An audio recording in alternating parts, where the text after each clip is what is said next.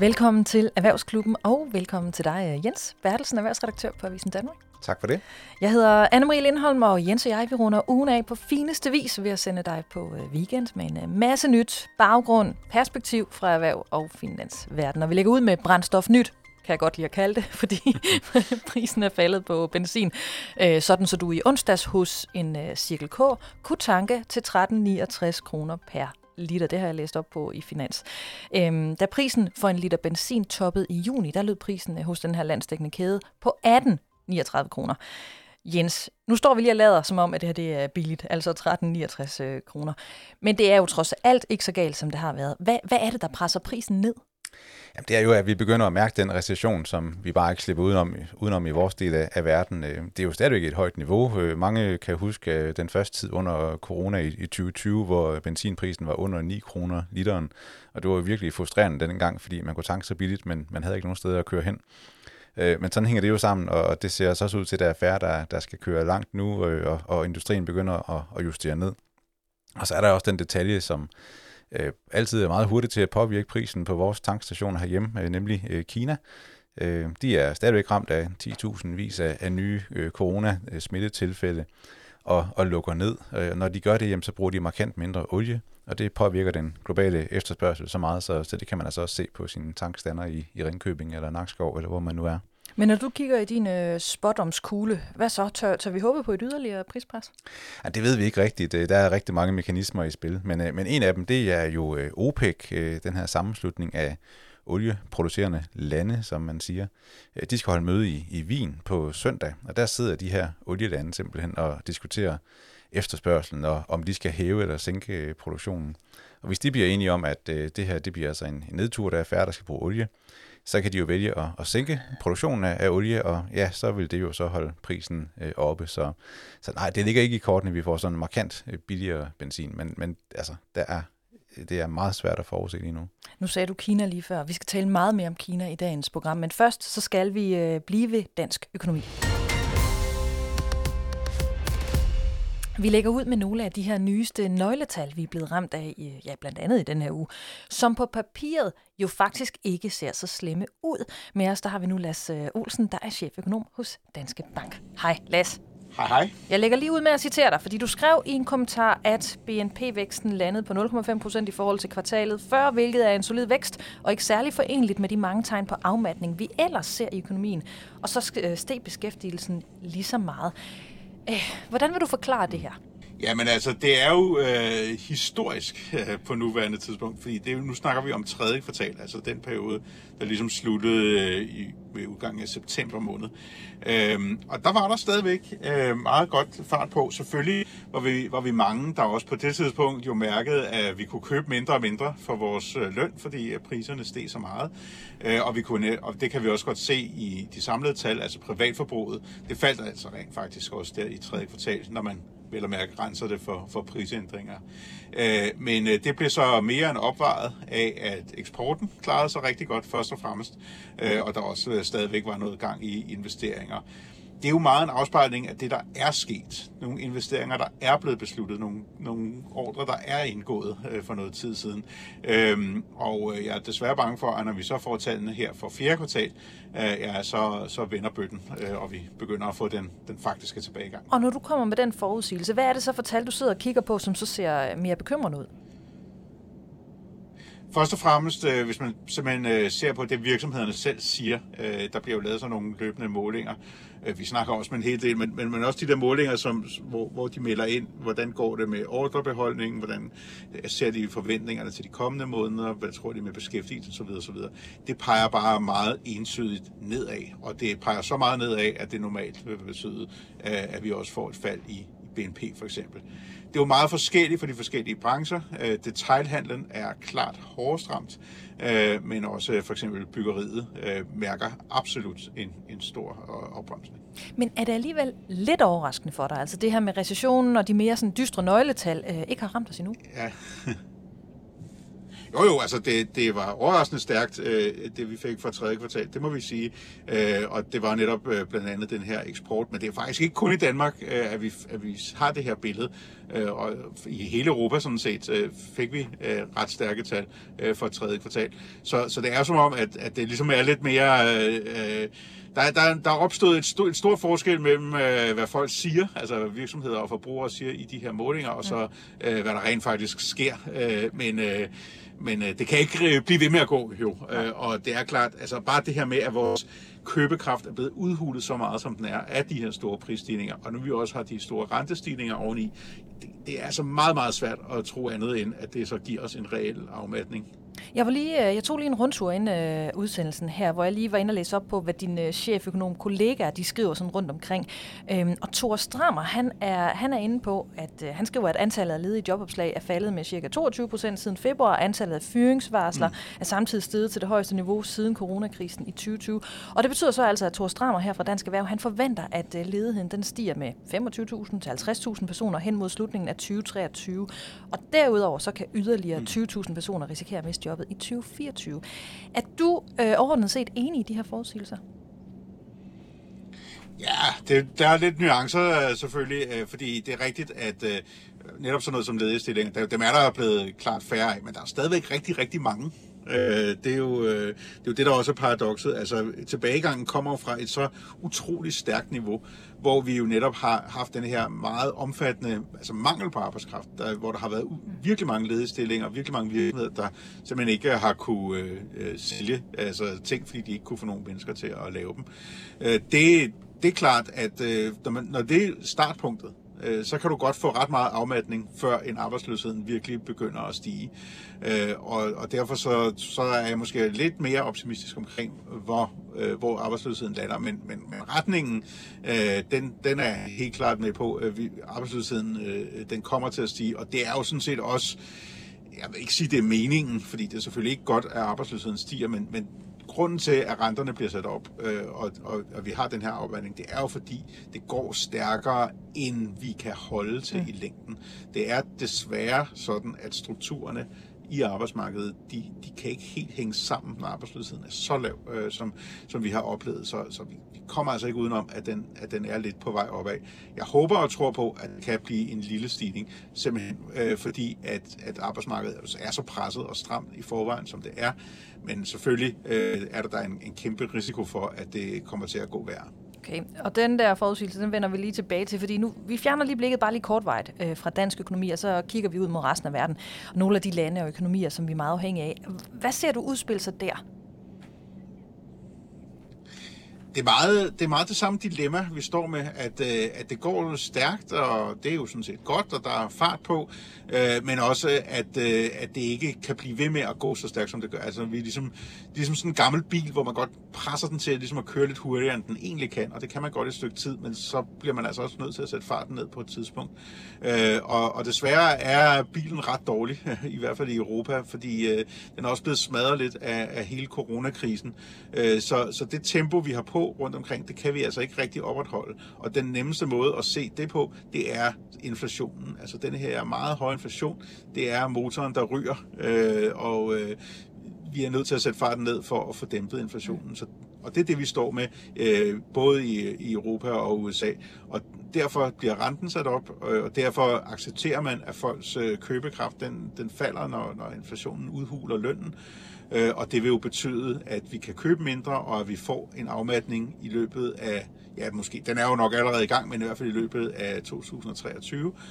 Og hvor dyb den så bliver, forhåbentlig kan vi undgå, at den bliver øh, sådan rigtig dyb, øh, men det er risikoen, øh, at, at den gør det. Ja, for det, det er også lidt min fornemmelse, når du taler her. Altså hvis ikke dine forudsigelser, de holder helt præcis stik, er det så mest sandsynligt, at de i stedet tipper til den mere positive eller til den negative side? Erfaring siger, at når man er i den der periode, hvor man prøver at afdæmpe økonomien, øh, så vil man meget ofte komme til at dæmpe den for meget. Øh, det, det vil jeg sige er den store risiko i øjeblikket. Altså man kan tænke på de centralbanker, der er i gang med at sætte renterne op for netop at dæmpe væksten. Jamen øh, det er, øh, det er en virkelig, virkelig svær kunst, men de har jo i hvert fald øh, taget, taget opgaverne på det. Det er jo de største rentes, vi har fået rentestigninger på indtil videre 2 procentpoint i, øh, i øvrigt øh, på, på, et, øh, et, på tre måneder. Det, det, er der, det er stort set aldrig før sket, at det er gået så hurtigt, øh, og det er jo ikke slut endnu, så, så, så det, det kan sagtens udløse en dybere stramning.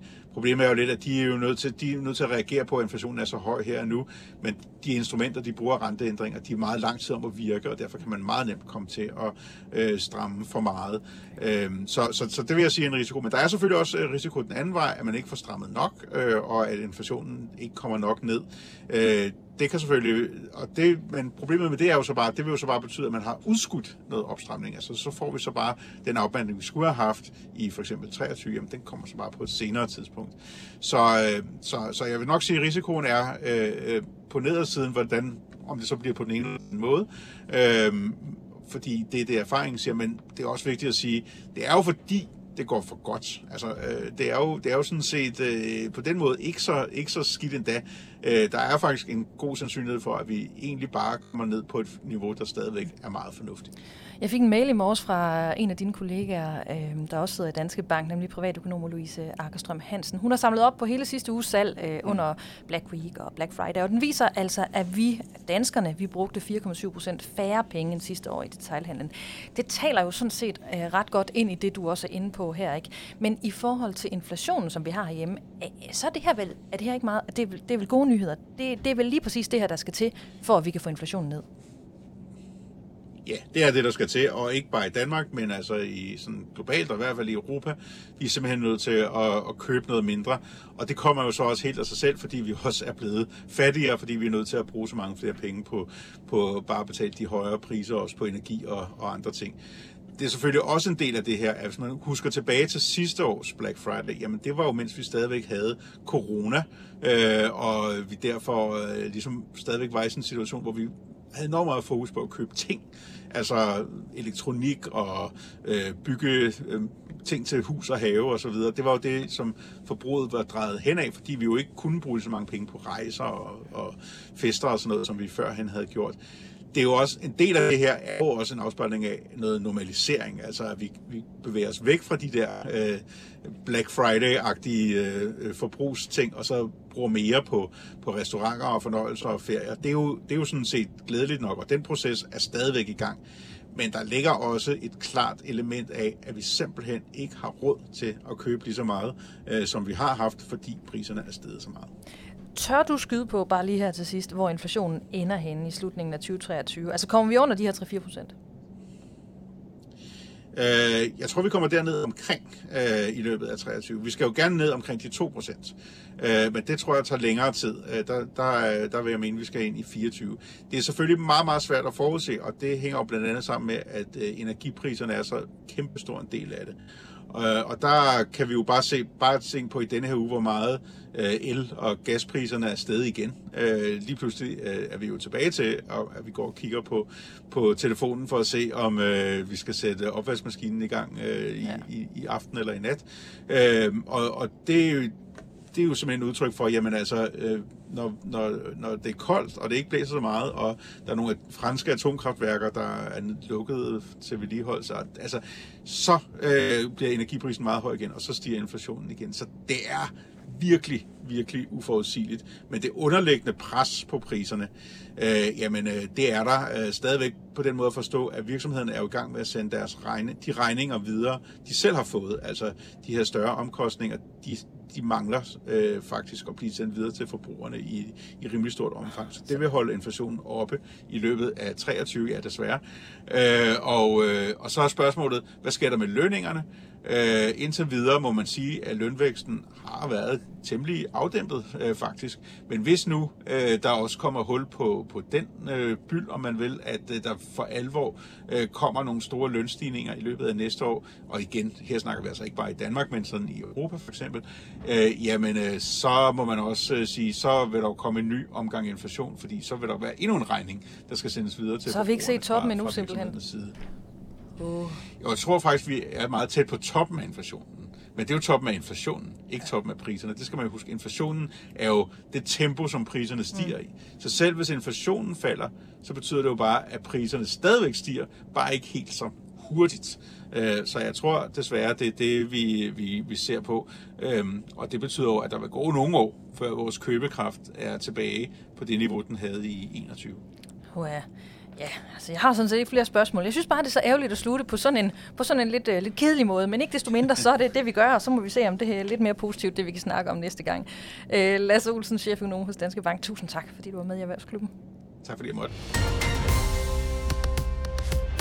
I Kina kører landet igen en uh, hård nedlukningsstrategi, men uh, kineserne de, er simpelthen blevet så trætte af at blive spærret ind, at de går oprør. Altså de demonstrerer, og det har skabt en uh, hel del sammenstød.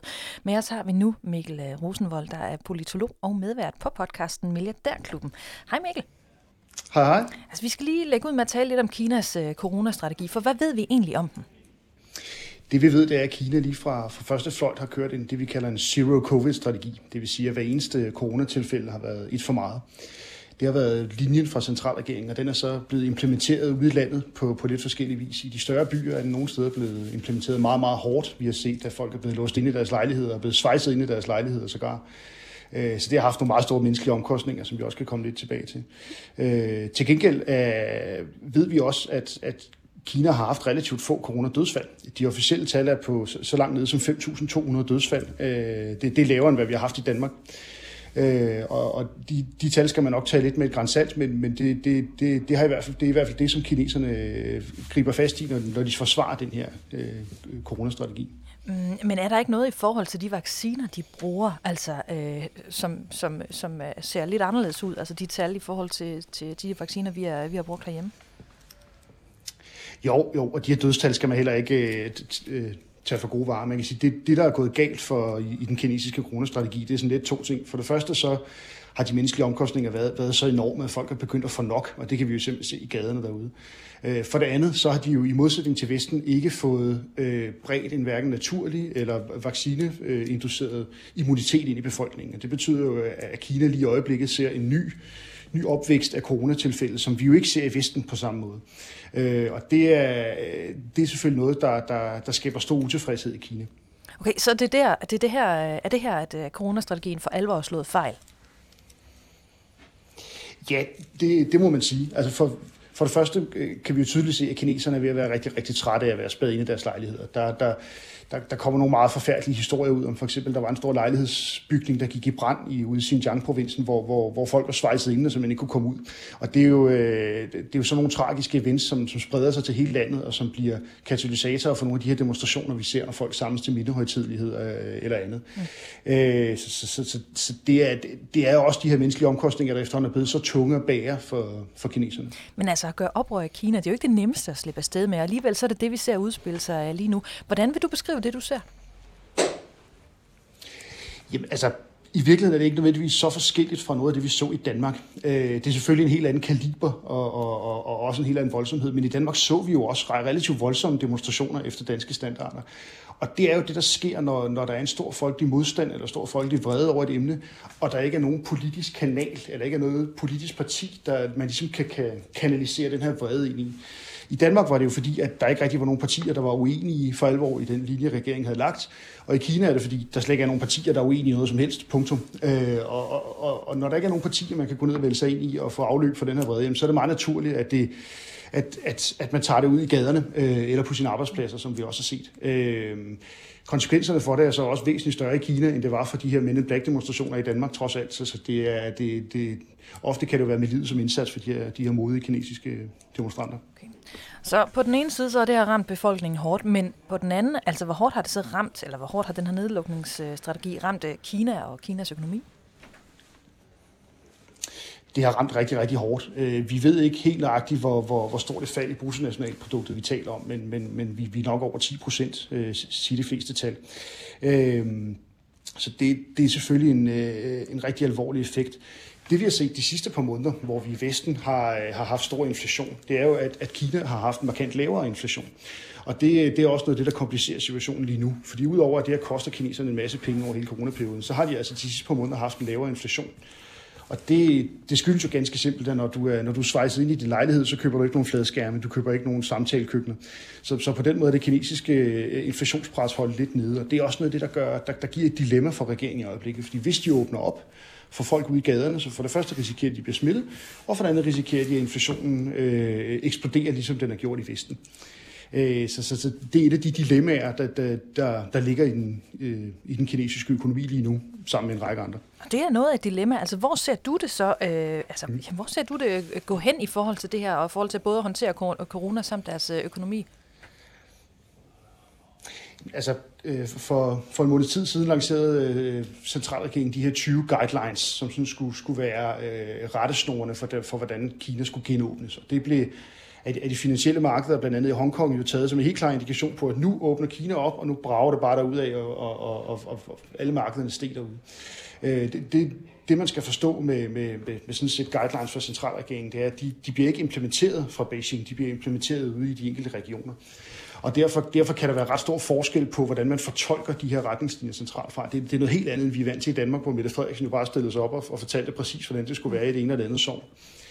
Øh, så øh, for, for, for at besvare de spørgsmål, kan man sige, så tror jeg, at vi kommer til at se en, en gradvis, øh, gradvis genåbning af, af Kina, men det kommer også til at være meget lokalt funderet. Det vil sige, at nogle byer og nogle landområder vil vi kunne se større genåbninger, men andre steder vil man, vil man stadig have de her meget hårde lockdowns. Og det kan især nok ramme nogle af de kystbyer, som er essentielle for, for Kinas sammenhandel med resten af verden. Okay, den vender vi lige øh, tilbage til lige straks. Jeg skal bare lige høre dig øh, mm. først. Hvordan kommer det her til at ramme Xi Jinping? På, øh, på flere måder man kan sige, Xi Jinping regerer jo ikke, som jeg var inde på før, jo ikke ligesom Mette Frederiksen for eksempel helt nede i detaljen øh, i, i sit land. Det er Kina simpelthen alt for stort til. Og det har jo både den effekt, at, at han ikke altid har styr på, hvordan de lokale partiformænd øh, implementerer øh, regeringspolitik. Omvendt gør det jo også, at, at, at der er nogle, øh, nogle søndebukke, der, der, der er nogle andre, man kan pege på, at hvis det går helt galt i Guangzhou eller i Shanghai, jamen, så er der nogle lokale guvernører, som har skylden for det. Fordi man kan altid pege på, at regeringen har bare sat nogle målsætninger op på, på det lidt længere sigte, så har Xi Jinping jo omtalt hele den her coronakamp som sådan hans generations øh, helt store kamp, ligesom Mao Zedong havde, havde borgerkrigen og kampen mod japanerne osv. Så, videre. så i det historiske perspektiv, der er det her noget af en, øh, noget af en bed for Xi. Han lykkedes jo med på partikongressen i forrige måned at få samlet sådan sit, det rigtige hold, og det har været det vigtigste for ham. Men, men, men på den lange bane, der er det her helt klart et, øh, et ansigtstab for Xi. Så lad os uh, tale lidt om os selv, fordi hvordan ser det her egentlig umiddelbart ud til at mm. ramme mm. alle os andre? Uh, vi har jo været hårdt uh, ramt hver eneste gang, at Kina har lukket ned, og nu nævnte du kystbyerne, at det kunne være sådan nogle steder, man vil vælge at lukke ned, på trods af, at man vil lempe lidt i den her coronastrategi. Hvordan, hvordan, hvordan, ser, du, hvordan ser du det udvikle sig? Hvis vi lige kigger en lille smule tilbage, så, så er der ingen tvivl om, at, at de hårde nedlukninger, vi, nedlukninger, vi har set i Kina, især i de byer, der, der, der producerer rigtig meget, især de byer, der for eksempel producerer computerchips og halvledere, men også, også havnen i Shanghai, for bare at gøre det så konkret. Det, det, det er noget af det, der har skabt det inflationspres, vi bliver ramt af i Vesten i øjeblikket. Der er simpelthen manglet varer til at dække den efterspørgsel, der har været i Vesten hvis, hvis Kina, især i de her kystbyer, fortsætter hård lockdown, øh, og, og, og, og måske især rammer de steder, der, der, der er centrale for eksporten, så, øh, så, kan det, så, så kan det godt puste yderligere til den inflation, vi ser i Vesten. Det tror jeg dog også, at kineserne er meget, meget opmærksomme på, at de, de, de skal virkelig gøre meget for at, at opretholde de her forsyningslinjer, især i forhold til, til, til, øh, til halvledere og computerchips. Fordi det, der ellers, ellers bliver effekten, det er, at hvis ikke Kina kan producere de her varer, så er der nok nogle andre, der skal gøre det. Og det, øh, det er måske virkelig den, den udvikling, der er mest interessant at følge. Det, det er jo hele den her homesourcing-bølge. Altså mange virksomheder og sektorer flytter virksomhed, flytter deres, øh, deres produktion fra Kina og hjem til for eksempel USA. Så i øjeblikket ser vi jo potentielt ind i et boom for sådan de helt klassiske industriproduktion i USA, fordi at de simpelthen ikke kan få produceret deres varer i Kina øh, eller fordi der er handelsbarriere og, og, og så videre, der gør, at de heller, egentlig hellere vil producere dem hjemme i USA igen. Så, så det, det, det kan også være en af effekterne, at, at det vi ser i, det, i den kommende tid er måske en styrkelse af den sådan helt klassiske industriproduktion i, i, i USA og i, og i Vesteuropa. Mikkel, jeg tænker på, altså den her tænketank, der hedder Axel Future, de, de går jo op i 2020, og der havde danske virksomheder øh, 488 øh, datterselskaber i, i Kina og 83.000 ansatte i Kina. Det er jo et kæmpe øh, aftryk, vi har, vi har derovre, øh, og det virker også som et lidt ubehageligt øh, samtaleemne for, for, for virksomheden, hvad vi stiller op med, med Kina. Altså med det, der sker, det, der sker her, altså hvor, hvor ustabilt synes du, vi skal betragte Kina med, med, med det, der, det, der er i vente her, hvis man øh, er dansk erhvervsleder og har en stor produktion i, i, i Kina? relativt ustabilt, fordi vi, vi kommer til at se lockdowns også i en kommende periode, og nok især i de områder, hvor danske virksomheder har fabrikker. Det er jo sjældent, at danske fabrikker har fabrikker langt inde i, i, i det landlige Kina. Så, så relativt ustabilt. Og, og det, som danske virksomheder også tror jeg kommer til at ramme, øh, eller kommer til at opleve de kommende år, det er jo også, at Kina for det første ikke længere har den her enorme befolkningstilvækst. Øh, simpelthen fordi etbarnspolitikken begynder at slå igennem, alle de små generationer begynder at slå igennem. Så øh, prisen på kinesisk arbejdskraft er steget og vil stige i fremtiden, for der er simpelthen færre kinesere. Øh, så så øh, det her med at rykke en fabrik til Kina for at have billig arbejdskraft, den holder måske stadig, men jeg tror, man i højere grad vil begynde at se andre steder hen i Asien eller til, til Afrika øh, så kan der også simpelthen også være en faktor i, i, i det kinesiske boligmarked, for at gøre det kort, så, så, så er kineserne jo har en helt anden gældsfaktor i deres, øh, i deres eget bolig, end vi har herhjemme i Danmark. Og det er også noget af det, der kan, der kan komme til at ramme den kinesiske økonomi. Så, så som dansk virksomhed vil jeg være noget varsom, både på grund af hvad skal man sige, de politiske forhold, men egentlig også i forhold til, øh, til, til, til de muligheder, der ligger i Kina. Øh, og det, det, det, det er også derfor, jeg tror, vi, vi vil se mange virksomheder overveje at, at rykke produktion andet sted hen simpelthen. Okay, så bare lige for at samle op her, øh, her, her til sidst. Altså, hvor, hvor, hvor, hvor meget kan Kina påvirke verdensøkonomien og alt det, vi står og, og bokser med, alt afhængig af, hvad for en strategi de vælger herfra? Helt enormt meget. Øh, Kina er jo øh, hele verdens fabrik, og, og vi, vi kan jo stort set ikke gå ud i vores køkken, uden at halvdelen af tingene er lavet i Kina, eller åbne vores computer, så, så, så det har en enorm betydning. Og selvom man i USA begynder at bygge semiconductors og, og, og computerchips osv., så, så tager det jo mange, mange, mange år, før man er oppe på niveau. Øh, Øh, så, så det har en enorm betydning. Det, der også har en enorm betydning, er, at Kina øh, øh, står inden for gælden i enormt mange tredje verdens lande. Så, så Kina har også kontrol med, med, med rigtig store dele af hvad skal man sige, den, den sydlige halvkugle. Og på den måde er Kina fuldstændig uundgåelig i international politik og også international samhandel fremover. Men deres rolle kan godt blive lidt anderledes. Det kan godt være, at de rykker sig lidt op af hvad skal man sige, produktionskæden øh, til, til, til lidt mere avancerede produkter, og, og så kan det være, at danske virksomheder skal kigge andre steder hen, hvis, hvis man vil have produceret sin vare billigt. Uha, det bliver spændende at følge den udvikling. Mikkel Rosenvold, tusind tak, fordi du var med her i Erhvervsklubben. Det var en fornøjelse. Tak for det. Nu vender skuden for Vestas. Sådan lyder meldingen fra den amerikanske storbank Citigroup, der har våget på elsen og spår, at Vestas-aktien i løbet af det næste år skal mere end fordobles. Det er nye tider, var Jens, for Vestas. De har ikke haft det øh, alt for nemt det seneste års tid. Hvilken slags øh, modvind er det, de har været op mod? Altså, de her gode nyheder, de står der noget i kontrast til det, vi ellers har hørt øh, i Vestas' regnskab for, for tredje kvartal. Der nedjusterede de jo forventningerne og henviste til en sådan blanding af, af prisstigninger på, på råvarer og sådan forsinkelser i almindelighed. Og, og hele 2022 har jo givet udfordringer for, for industrivirksomheder med knas i forsyningskæder og chipmangel var der jo i den grad på et tidspunkt. Og, og så er det også det faktum, at øh, selvom vi alle sammen taler om grøn energi, så strander alle mulige vindmølleprojekter med langsommelige øh, godkendelser, og så, så Vestas faktisk slet ikke har øh, haft så travlt med at bygge møller, som de, de burde have. Altså sådan en melding fra Citigroup, den kan vi jo ikke lade gå ubemærket hen her i Erhvervsklubben. Så derfor har vi også ringet til dig, Jakob Pedersen, aktieanalysechef i øh, Sydbank. Hej Jakob. Hej, hej. Inden jeg spørger dig, om du er enig i Jenses analyse, så kan, kan du lige forklare, hvad taler egentlig for, at Vestas godt kunne være på vej ind i sådan en opadgående kurve? Jeg synes egentlig, at hvis man bare starter med at sige, at de hæver priserne med, med et sted mellem 20 og 30 procent, så uh, alene der, uh, hvis man sidder med en konvolut og lige laver en beregning, så kan man nok se, at det kan godt have noget effekt på indtjening, hvis det er sådan, at det enkelte produkt det bliver uh, 25 procent dyrere. Uh, og det er det, som, som skal hjælpe Vestas, så i princippet hele industrien igennem, uh, igennem problemerne. For der er ikke kun Vestas, der ligger ned i den her industri. Det, uh, det gør Vestas' vestlige konkurrenter i endnu højere grad. Men, men de udfordringer, som Jens han nævner, er, er Vestas fri af dem?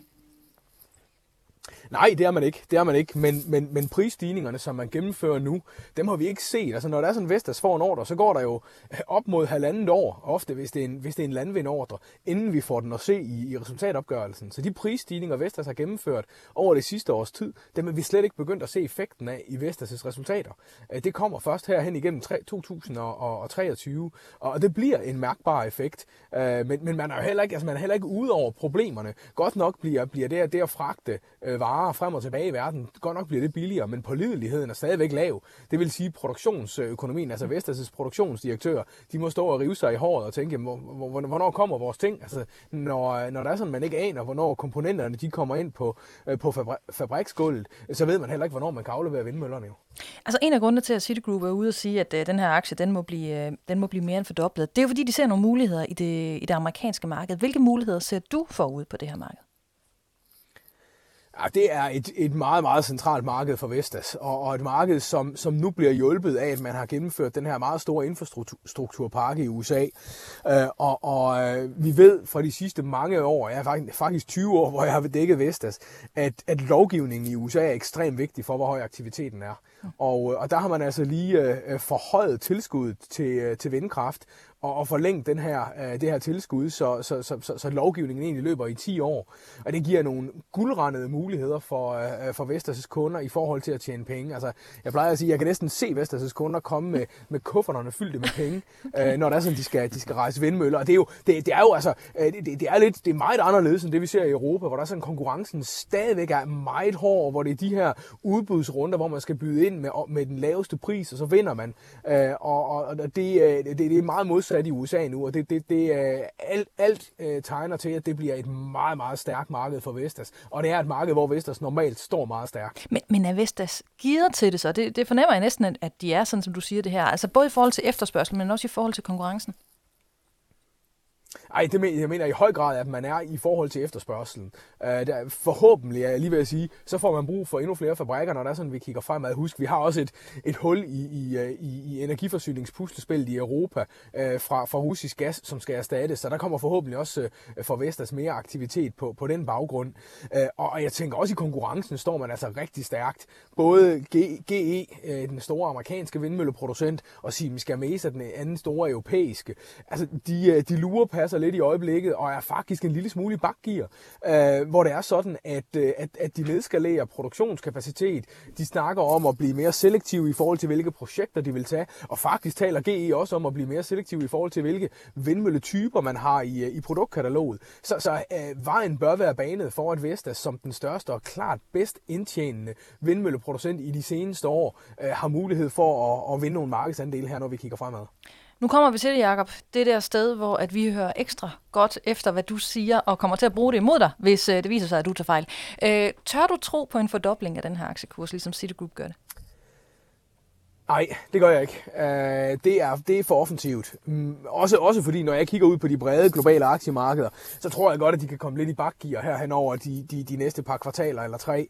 Øh, og, og i det miljø, der vil Vestas aktien heller ikke kunne, kunne, kunne blive fordoblet. Det har jeg meget, meget svært ved at tro. Men, men, men at der kan ligge en, en stor kursgevinst og en, en gevinst og en, en kursudvikling, der er mas, markant bedre end det, vi ser på det omkringliggende arbejde, øh, aktiemarked, det tror jeg bestemt på. Og det fremgår også af, af Sydbanks hjemmeside, at jeg har en købsanbefaling, hvor man kan gå ind og læse, hvad jeg mener. Mm. Men synes du så alligevel, at investorerne har været lidt hårdere ved Vestas, altså det seneste års tid, altså når nu vi står og taler om alle de her muligheder, der er. Jeg ved godt, det bliver ikke til en fordobling, men, men det, øh, aktiekursen har ikke haft det for godt, vel? Nej, men det er, det er, det er også et tvækket svært, fordi nogle investorer de bliver mere kortsigtede. Nu har vi set renterne, der er pisket i vejret i år, og vi ved, at de selskaber, som er prisfastsat på noget, der først skal ske om 5-10 år, de får bare stry i sådan et miljø, hvor der er sådan, at renterne de kører i vejret. Det er jo en af årsagerne til, at Vestas aktien er faldet. En anden årsag er, at ordreindgangen har ikke målt i megawatt været ret god. Og en tredje årsag, det er så, at Vestas har leveret resultater, der har været ringere end det, vi regnede med, og så har man haft en Ruslands exit ind over, som også har kostet rigtig mange penge. Så, så jeg kan godt forstå, at Vestas aktien har haft det svært i det, her, øh, i det her år. Jeg tror på, at det kan blive bedre, når vi kigger ind i 23. Lad os slutte med den happy note. Jakob Pedersen, aktieanalysechef i Sydbank. Tusind tak, fordi du var med i Erhvervsklubben igen. Ja, velbekomme. Det var en fornøjelse. Mandag kom det frem, at oliegiganten Shell har lagt lidt over 14 milliarder på bordet hos Nature Energies ejere. Det er de to øh, udenlandske kapitalfonde og de danske pensionsopsparere i Sam Pension. Jens, det, her, det er en gigahandel, som vel, vel i princippet ikke er så overraskende, men beløbets størrelse er til gengæld værd at bemærke, eller hvad? Ja, det er et meget stort beløb for en øh, ret ung øh, virksomhed, som, som sådan først sidste år viste sig at være i stand til at tjene penge og, og ligesom bevise, at de havde fundet øh, den rigtige øh, forretningsmodel, og selvfølgelig godt hjulpet af, at, at gaspriserne steg. Det, det gjorde de allerede sidste år, men jo betydeligt mere i, i år. Øh, og så kan det pludselig betale sig at producere øh, biogas øh, frem for at købe for eksempel den russiske gas, vi gerne vil af med. Men det, det med, at Nature Energy var til salg, det var ikke nogen øh, overraskelse. Det har ledelsen meldt ud øh, af flere omgange, så, så øh, vi vidste godt, der var noget på vej. Men, men hvorfor er Shell interesseret i Nature Energy? Altså, hvad, hvad er det, de kan? Jamen, først og fremmest så har Shell jo, altså et af de her virkelig gamle, legendariske olieselskaber, øh, de har formuleret nogle ret barske mål for, for 2050, øh, hvor de vil være CO2-neutrale. Øh, ikke bare i deres indkøb og deres eget forbrug, som, som ofte er det, man, man starter med, men også kundernes klimaaftryk ved at bruge Shells produkter. Så det er så det, man kalder tier 1, 2 og 3 i, i det sprog der. Og når man er olie- og gasproducent, så er det altså en svær øvelse, man har sat i, sat i gang. Men jo også helt nødvendigt, fordi Shell og, og deres investorer, øh, de kan jo ikke se på, at verden øh, stille og roligt holder op med at efterspørge de her klassiske øh, Shell-produkter. Så Shell har åbnet pengekassen, og det er en rigtig, rigtig stor pengekasse, og så køber de op i selskaber, som sådan ligesom har bevist deres øh, værd i den her grønne omstilling. Og der er Nature Energy altså en, en lækker bisken for dem. Øh, Shell er, at de er meget øh, store inden for gas, enormt store inden for gas, men de er ikke rigtig sådan kommet i gang med det her øh, grønne øh, gas, altså øh, biogas, som man jo sådan set laver af, af gylde og madaffald mm. og hvad man nu ellers lige har, øh, hvor man så kan udvinde den her gas. Men fjol... Der, okay. ja, ja, fordi Nature Energy, de vækker opsigt, fordi de har så vist, at de kan sådan ligesom øh, industrialisere de her processer. Øh, det er ikke bare sådan nogle små anlæg, der lige er ude på en bundegård. Det er, det er store anlæg, anlæg som, som betyder noget. Man kan skalere dem op, og, og så begynder det altså at, at gøre en forskel i, i gasproduktionen, hvis man har mod til det, og også har kapitalen til det. Øh, og og det har man sådan set brug for i hele verden, så det kan Shell jo hjælpe dem med. Og det er jo sådan set meget godt, men det er stadig 14,3 milliarder kroner, de betaler. Altså bliver du ikke overrasket over det beløb? Jo, altså reaktionen i mandags, det var holdt op. Det er et stort beløb. Øh, men, men jeg må jo så også gøre en tilståelse, fordi da, da jeg så bagefter læste op på det, så kunne jeg jo se, at øh, Reuters, øh, det gamle britiske nyhedsbureau, de skrev faktisk allerede i oktober om, at Shell var med i slutspurten om at købe Nature Energy i, oh. i Danmark og Reuters kunne endda med henvisning til tre forskellige kilder øh, skrive, at beløbet var omkring 2 milliarder dollars, og det var lige nøjagtigt sådan, det, det endte. Det var der ikke nogen danske journalister, der opdagede, at øh, Reuters havde fat i dengang, og, og jeg ved, at ude hos øh, Nature Energy, der ventede de på en masse opkald øh, der tilbage i oktober, men, øh, men de kom ikke, så, så der er vi altså nogle erhvervsjournalister, der har øh, sovet i, i timen. Jamen, jeg er sikker på, at vi var på seminar den dag. Det må, ja. det, det må være forklaringen. Hvis vi nu kigger på, på Shells konkurrenter, øh, det du lige selv inde på her, har de så forfulgt samme strategi som, som Shell øh, i forhold til det her med at, med at opkøbe? Det er i hvert fald en fælles øh, for den her gamle sorte industri, at de, de søger efter nye veje for at, at blive grønne, eller i hvert fald også at være grønne, imens de holder fast i, i den sorte olie og gas, lige så længe det hænger sammen, og det er altså stadigvæk en rigtig udmærket forretning. Øh, BP, som jo er en af Shells gamle rivaler, de, øh, de har også lige været på opkøb og har købt en amerikansk biogasproducent for, for næsten 30 milliarder kroner. Så, så ja, det er øh, den vej, de, de kigger mod. Og, og hvad betyder det så altså for Shell og den her grønne profil, som de jo drømmer om at få? Er de i mål nu? Nej, altså Nature Energy er jo en meget lille spiller at få med ombord.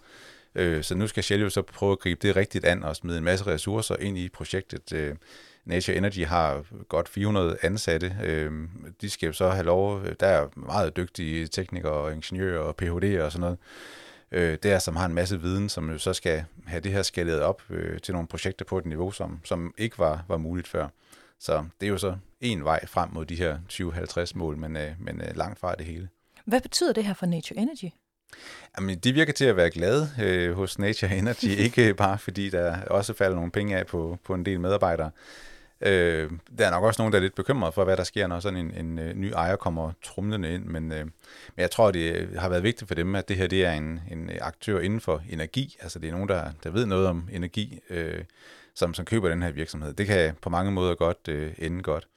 Øh, jeg har så også set, øh, hvis man sådan kigger ud i folkedybet, hvad, hvor folk skriver som kommentar på Facebook, så er der jo så er den øh, automat reaktionen er sådan lidt, øh, vent nu bare at se, nu køber Shell dem, og så lukker de det hele ned. Ej. Så Shell i fred og ro kan blive ved med at sælge deres øh, kul, sorte olie, men øh, det synes jeg ikke helt er belæg for at sige. Ikke endnu i hvert fald. Og hvis, det, hvis der bliver det, så tager vi den op endnu en gang. Den skal Reuters ikke øh, Vi er ikke med. på seminar den dag.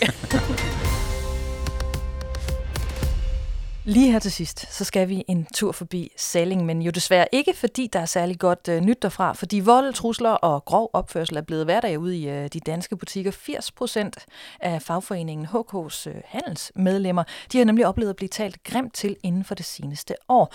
Og hos Selling Group, der er, ja det er jo en af kæmperne inden for dagligvarer herhjemme, der er antallet af anmeldelser om vold, overfald og trusler steget fra 13 sidste år til 39 år. Altså, det er en ret markant udvikling. Jens, hvad er det, der foregår ude i butikkerne? Ja, det ligner en meget dramatisk øh, stigning i dårlig opførsel. Altså, det er lige fra råberi og, og dumme bemærkninger til, til decideret vold. Øh, i, I mandags måtte politiet gribe ind i en nettobutik i, i Odense, hvor en, en medarbejder havde fået knytnæveslag i hovedet. Øh, og det skyldes en kunde, der var sur over en vare, der var, der var udsolgt. Øh, og jeg har jo beskæftiget mig lidt med sagen i den her uge og skrevet om det i Avisen Danmark. Øh, man kan finde artiklen inde på vores hjemmeside. Man kan søge efter vold, så dukker den op. Øhm, og undervejs jeg ringede til varehuschefen i en Føtex i, i Aarhus, øh, og han afbrød og sagde, at han, øh, det vi skulle tale om, det havde han et helt frisk eksempel på, så han skulle lige tage sig en medarbejder først, inden han havde tid til at, at tale med mig. Ej, så du stod ind og var ked af det, mens ja, du talte med ham? Ja, det viste sig at være en kunde, der ikke kunne få repareret sine støvsuger på garantien, øh, fordi øh, medarbejderne i Føtex kunne jo se, at den her støvsuger var fuld af, af byggestøv.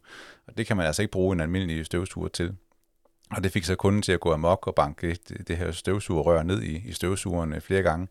Så hårdt, så Føtex-medarbejderen jo havde grund til at tro, at det var et, et angreb på, på hende.